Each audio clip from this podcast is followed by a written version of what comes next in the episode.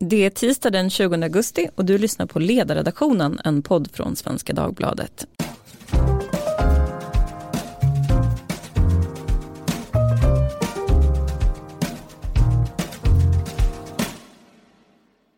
Jag heter Lydia Wåhlsten och idag ska vi prata om digitalisering i skolan. Många barn gör ju den här veckan en nyfiken och kanske lite nervös premiär i skolans långa korridorer. Men vad kommer de att möta i klassrummen egentligen?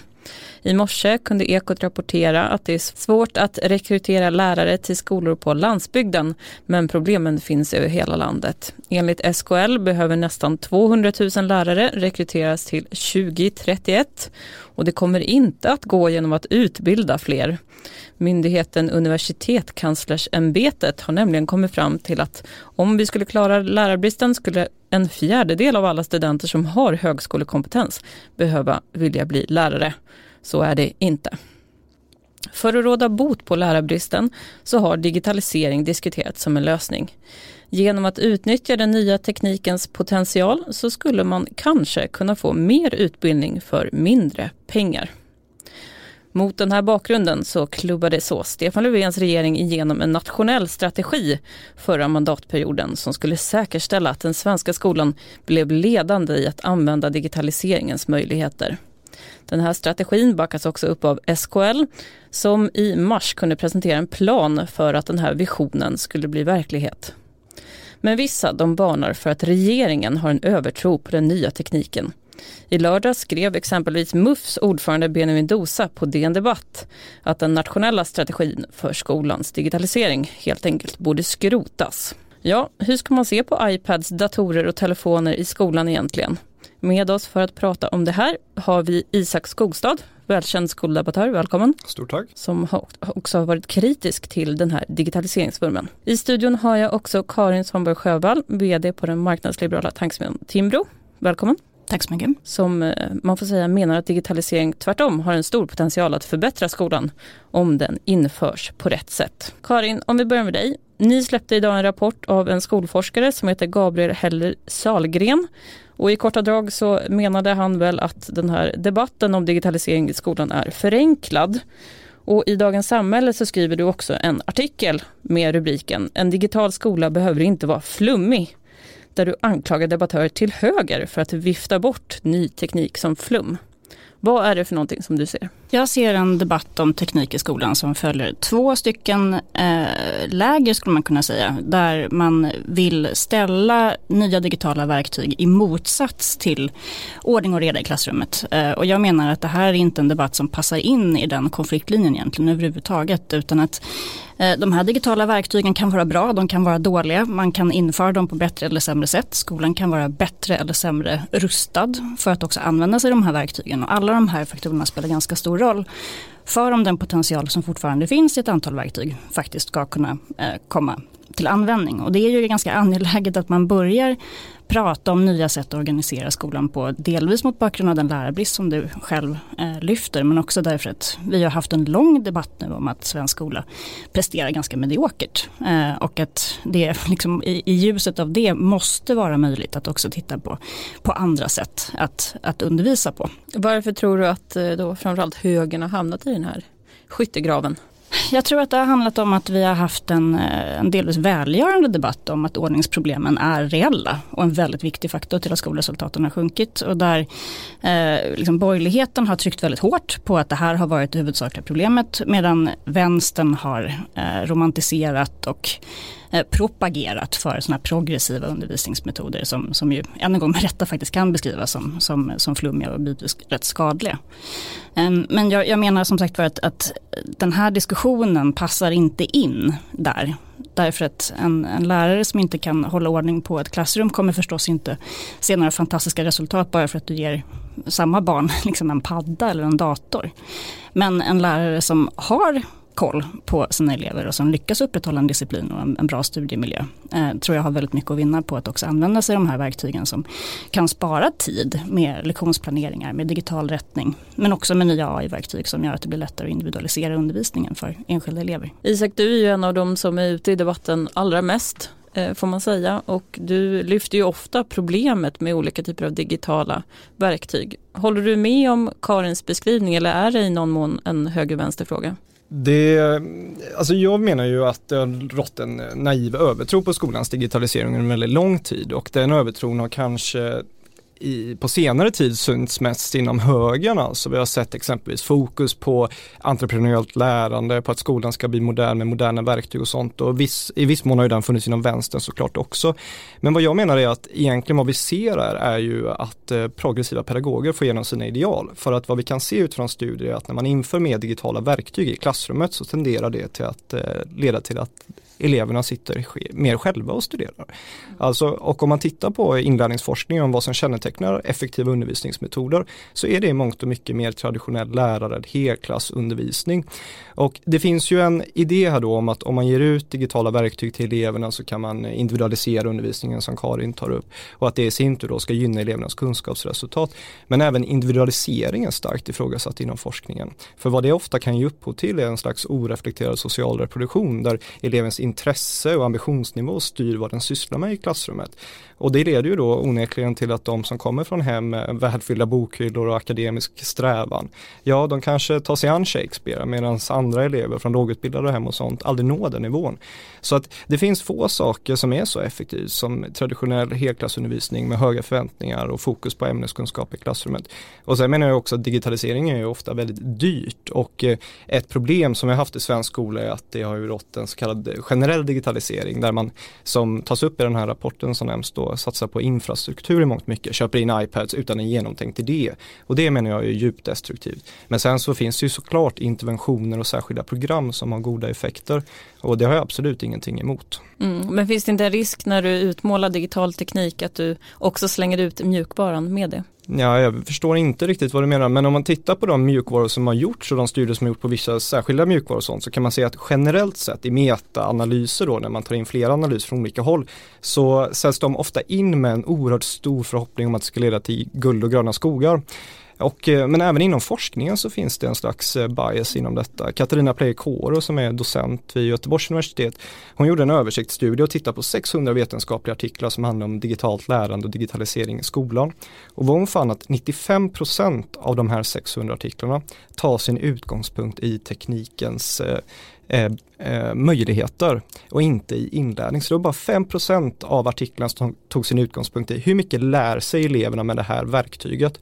Och, så det visar ju på att det finns en utbredd optimism och eh, vad jag vill mena är ofta en naiv övertro på teknikens betydelse i skolan. Jag ser väl någonting annat efter att ha läst den här eh, rapporten av Gabriel Heller Sahlgren och det är ju att forskningen är ganska spretig, att det är ganska svårt att göra den här typen av studier. Men innan vi går in på vad han har skrivit Karin så tänkte jag att du ska få svara på det här som Isak Skogstad lyfter, att det finns då genom en individualiserad lärandeprocess så kommer det också få en förstärkningseffekt utifrån liksom social bakgrund. Vem som tar till sig Shakespeare är inte lika för alla när man är kanske åtta år. Jag tror man måste skilja på vad man menar när man pratar om individualisering. Jag menar inte eh, att man ska använda sig av, av eh, sånt där problembaserat lärande eller att man ska bara googla sig fram till kunskap. Utan det jag pratar om det är ju mjukvara som anpassar uppgifter, exempelvis i matematik, efter elevens förmåga. Och där finns det en del studier från Kina bland annat eh, på, på verktyg nu som har fungerat väldigt bra, inte minst för svagpresterande elever. Eh, för det de här programmen gör är att de identifierar väldigt snabbt precis var kunskapsluckorna befinner sig någonstans.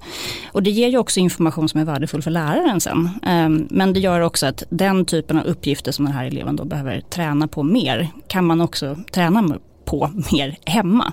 Och där blir ju snarare det här verktyget väldigt billigt och effektivt och faktiskt socialt utjämnande därför att det innebär att det blir lättare för de här eleverna att faktiskt göra det hemma där det inte kanske finns personer som kan förklara eller så utan att de här programmen ställs in utifrån vilka kunskaper som finns och hur den här lärandeprogressionen ser ut jag säger inte att det här är liksom guld och gröna skogar och att det här kommer lösa alla problem på en gång. Det är också en utveckling som är ganska ny. Men det finns verktyg redan idag på marknaden eh, som verkar fungera ganska bra, som jag tycker att man ska vara öppen för att pröva. Och med tanke på att man vräker pengar över den här typen av, av verktyg nu i Silicon Valley och i Kina, länder där man värderar utbildning väldigt högt, så tror jag också att man ska, liksom, man ska vara försiktig med att säga att om inte allting fungerar perfekt från början så ska vi inte göra det. Det är lite grann som att vara liksom, arg på den första mobiltelefonen för att den inte hade internet.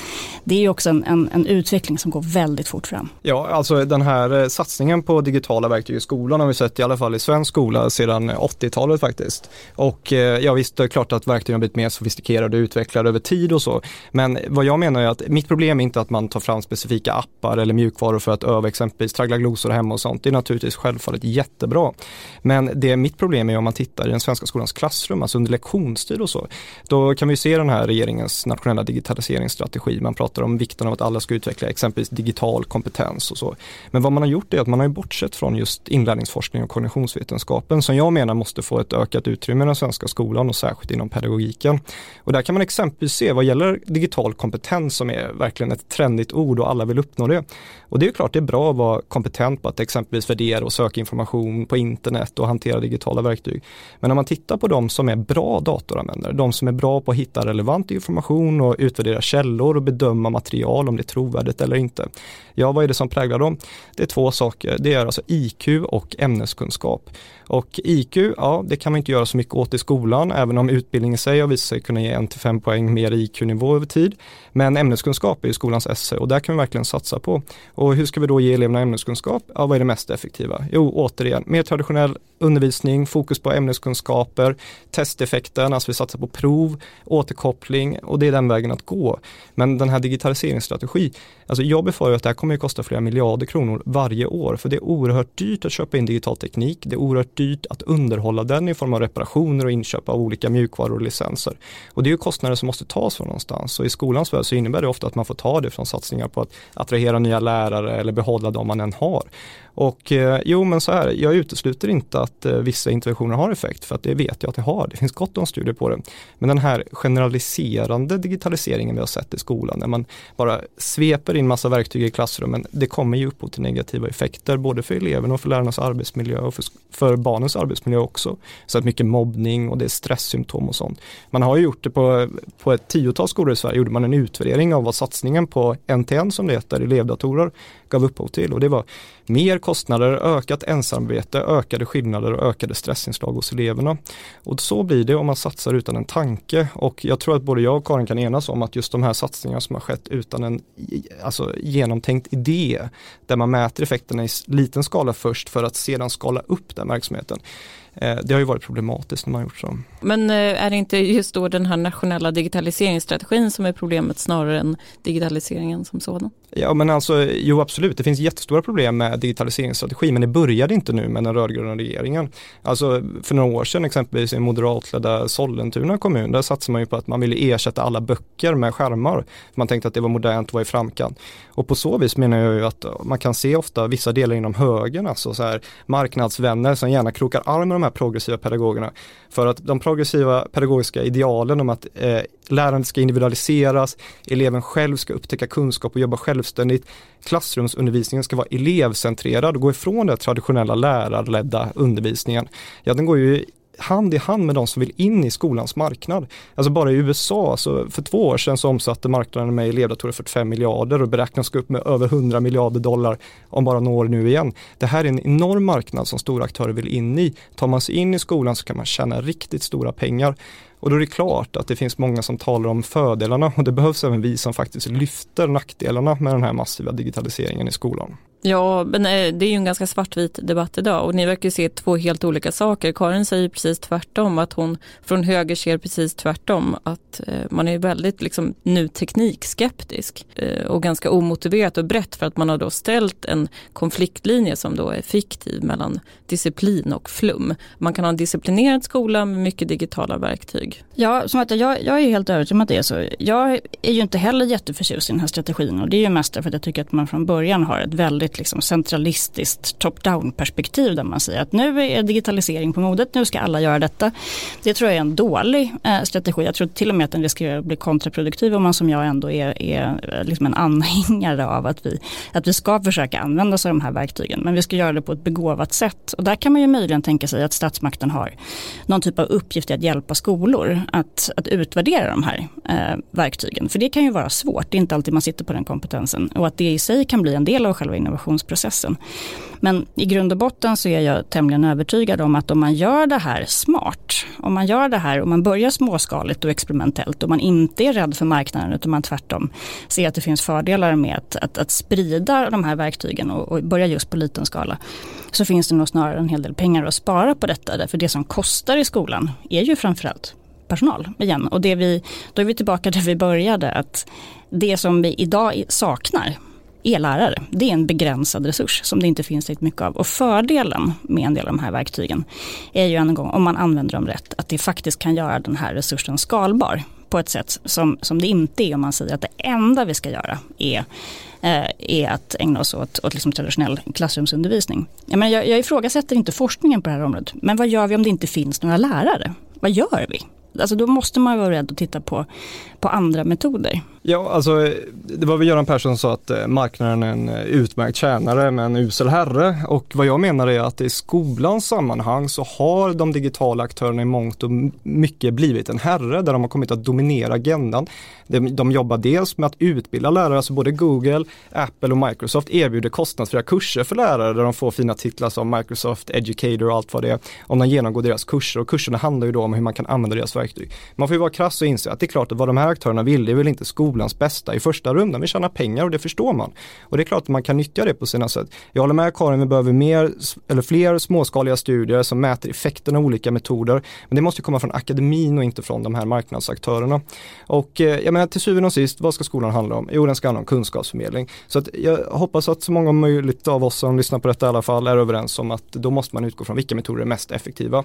Och eh, i mångt och mycket så är det sällan som så att olika former av digitaliserad undervisning hamnar särskilt högt upp i sådana här metaanalyser där man jämför olika interventioner. Så att visst, det finns en potential men den här övertron som har funnits under lång tid och mycket längre tid än den här digitaliseringsstrategin har funnits. Jag menar, svensk skola, man måste veta det att svensk skola har haft fler elever per, eh, eh eller fler datorer per elev under väldigt lång tid, långt över OECD-måttet med råga dessutom. Och eh, eleverna har också eh, mer skärmtid, alltså både i skolan, i klassrummet och utanför skolan. Så att det är inte någonting nytt detta, utan detta är ett sätt helt enkelt att formalisera att nu ska alla med på detta tåget. Även om kanske 90-95% varit med på tåget sedan innan. En sak som jag tänkte lyfta också, det är, vi pratar ju väldigt mycket om eh, eleverna och hur de ska lära sig. Men en annan sak är ju lärarna och hur de ska lära sig och hur de får återkoppling på att de gör ett bra jobb. Och idag så utvärderar man sina egna elever och med det också sitt eget arbete. Vore det inte bättre då att eh, implementera mer sån här typ av utvärdering just på lärarna? Ja, jag kan väl börja med att säga det att jag tycker det är bra att man utvärderar skolor. Vi måste utveckla de eh, metoderna vi har för att utveckla eller för att utvärdera skolor i Sverige. Man brukar prata om eh, value added mått, alltså hur mycket mer lär sig eleverna när man går i skolan. Ett problem vi har idag är att många skolor utvärderas ut efter vilka betyg, men så att säga det är en ganska dålig predikator på hur väl en skola lyckas med sitt uppdrag. Det finns finns ju en eh, förhoppning om att man med sådana här value added mått ska kunna mäta effekten av enskilda lärare. Det har dock visat sig vara väldigt svårt. Alltså amerikanska statistikerförbundet har gått ut och varnat och sagt att man kan inte använda de här modellerna man har, för, eh, man har eh, försökt på i olika delstater i USA för att de är så bräckliga. Det är så många faktorer som påverkar att man utifrån de här progressionsmodellerna inte kan mäta effekten av en enskild lärare. Och anledningen varför de också varnar för det är ju för att man håller lärare accountable då alltså. Och då måste man verkligen ha, ha det torrt på fötterna så att säga.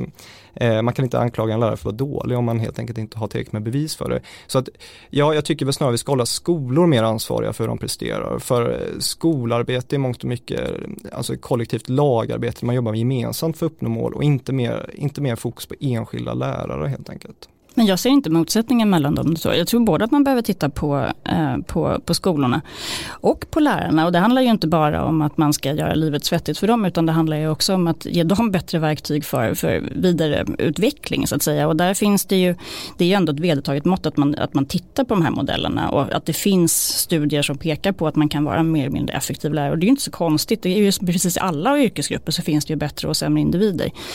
Och här vi, kan vi komma tillbaka till att det faktiskt ändå finns en möjlighet med sådana här digitala verktyg just därför att inte minst för lärare som kanske är, som är yngre, som är mer oerfarna. Eh, vi har haft en lång diskussion om att svensk lärarutbildning är ganska dålig på att förbereda lärare på hur man faktiskt gör när man undervisar. Eh, den kritiken tror jag att du också har framfört. Men jag förstår inte vad det är, tänker du då att man ska ha någon modell som är digital för att utvärdera enskilda lärare hur effektiva de är i klassrummet? Eller? Alltså så här, utvärderingsmodellerna har inte så mycket med digitalisering att göra men däremot att redan idag finns verktyg där man tittar, där man exempelvis kan, kan tillgängliggöra lektionsplaneringar från, från duktiga lärare, att man kan göra liksom modellföreläsningar, det har man också gjort exempelvis i Kina i, i, i områden där man har haft jättesvårt att rekrytera lärare, så har man tagit duktiga lärare i Peking som har spelat in eh, lektioner som sedan har kunnat användas. Och det har ju varit ett redskap då för att hjälpa de lärarna i de här glesbygdsområdena där det inte har funnits några möjligheter tidigare mm. att faktiskt förbättra undervisningen och där man har sett att elevernas resultat också har ökat. Mm. Nej, men jag, jag, jag, jag ser en framtid framför oss. Vi kommer se fler inslag av sådan typ av undervisning. Alltså exempelvis när det gäller, så sker redan på sina håll idag med språklärare som råder enorm brist på. Alltså man har så här videolänksundervisning och dylikt. Eh, vad jag menar är att eh, det som jag befarar är en utveckling, i och med att vi vet att vikten av social interaktion i ett klassrum, alltså gynnar elevernas lärande i mångt och mycket, även om det kanske låter flummigt, men det finns ganska gott om evidens kring det. Eh, vad jag menar är att i sådana fall så kommer vi kanske se en utveckling där vi är mer eh, välbärgade elever hamnar på skolor där de får vanlig lärarledd undervisning av utbildade och kunniga ämnesexperter. Eh, medan andra kanske kommer hamna på efterkälken och får ersatt, eh, ersätts eh, med så här Khan Academy och olika former av YouTube-lektioner och allt sådant. Det kommer nog eh, vidga skillnaderna i elevernas kunskapsresultat mellan olika klasser och ekonomiska förutsättningar. Och ja, det kan bli så att det kommer bli en sån utveckling med tanke på den extrema lärarbristen vi har men jag ser inte fram emot den. Eller så skulle det kunna bli tvärtom då, att digitala verktyg skulle hjälpa de elever som då presterar bäst och de som presterar sämst fast det anpassas till respektive grupp. Men det skulle ju förutsätta en helt annan skola som grupperar på ett annat sätt och där är vi ju inte i Sverige idag.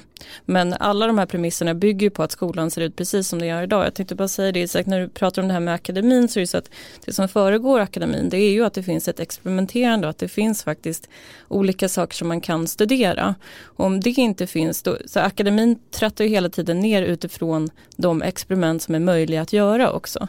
Och, och, det är väl där vi kommer tillbaka till den här centraliseringstanken nu och den digitala strategin att den är ganska enhetlig. Och vilka risker det för med sig, för det gör ju också att liksom utvärderingen av digitaliseringen i Sverige kommer mångt och mycket bygga på denna strategi.